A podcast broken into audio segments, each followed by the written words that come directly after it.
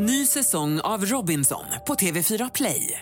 Hetta, storm, hunger. Det har hela tiden varit en kamp.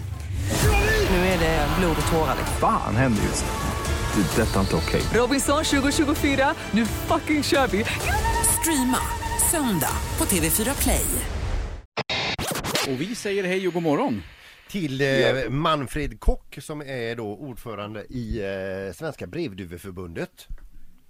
Ja, morgon. God morgon. Ja, det, vi, har ju, vi har ju haft lite snack här nu under morgonen. Det är ju eh, våran eh, kollega Linda som har sagt att hon har eh, ett jätteintresse för, eller ja, hon, Alltså hon, här, nu överdriver du ju. hon, hon undrar hur det är möjligt att brevduvor kan hitta till ett ställe och sen tillbaka igen.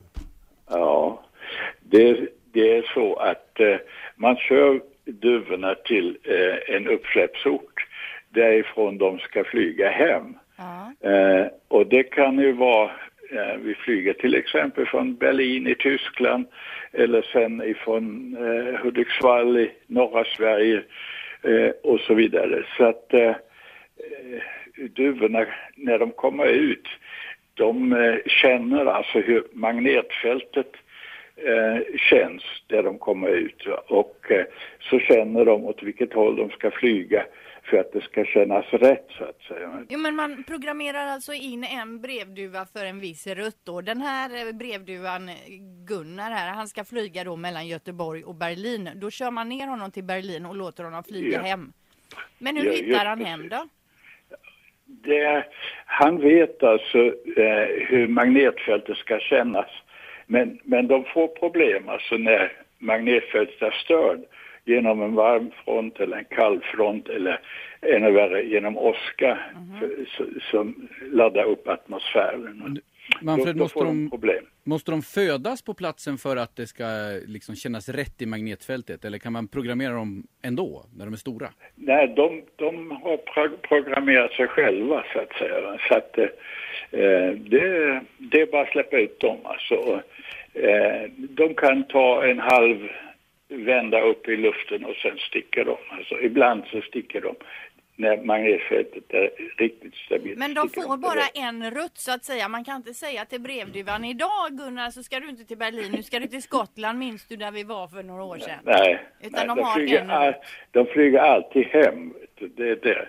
Ja. Gäller det bara duvor eller kan man lära en eh, skata eller en mås samma sak? Ja, jag tror det. Så då att, eh, du vet, alla flyttfåglar orienterar ju också på samma sätt. Va?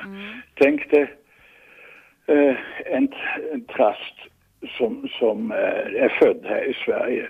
För det första så vet han, eh, och det är genetiskt lagrad kunskap, att han ska flyga söderut på hösten. Ja. Eh, och sen eh, driver den omkring, låt säga i södra Spanien och lite överallt.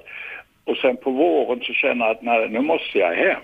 Och då, då vet han hur, på, hur han ska hitta hem igen. Han har aldrig varit borta eller sådär förut. Men, men de, det kan de. ja, men det är ju fascinerande där. Men, men, men förstår, jag har ju flugit med samma duvor, till exempel från Berlin, som jag sen har eh, nästa gång skickat till Norrköping. Och, och de hittar alltså hem hela tiden.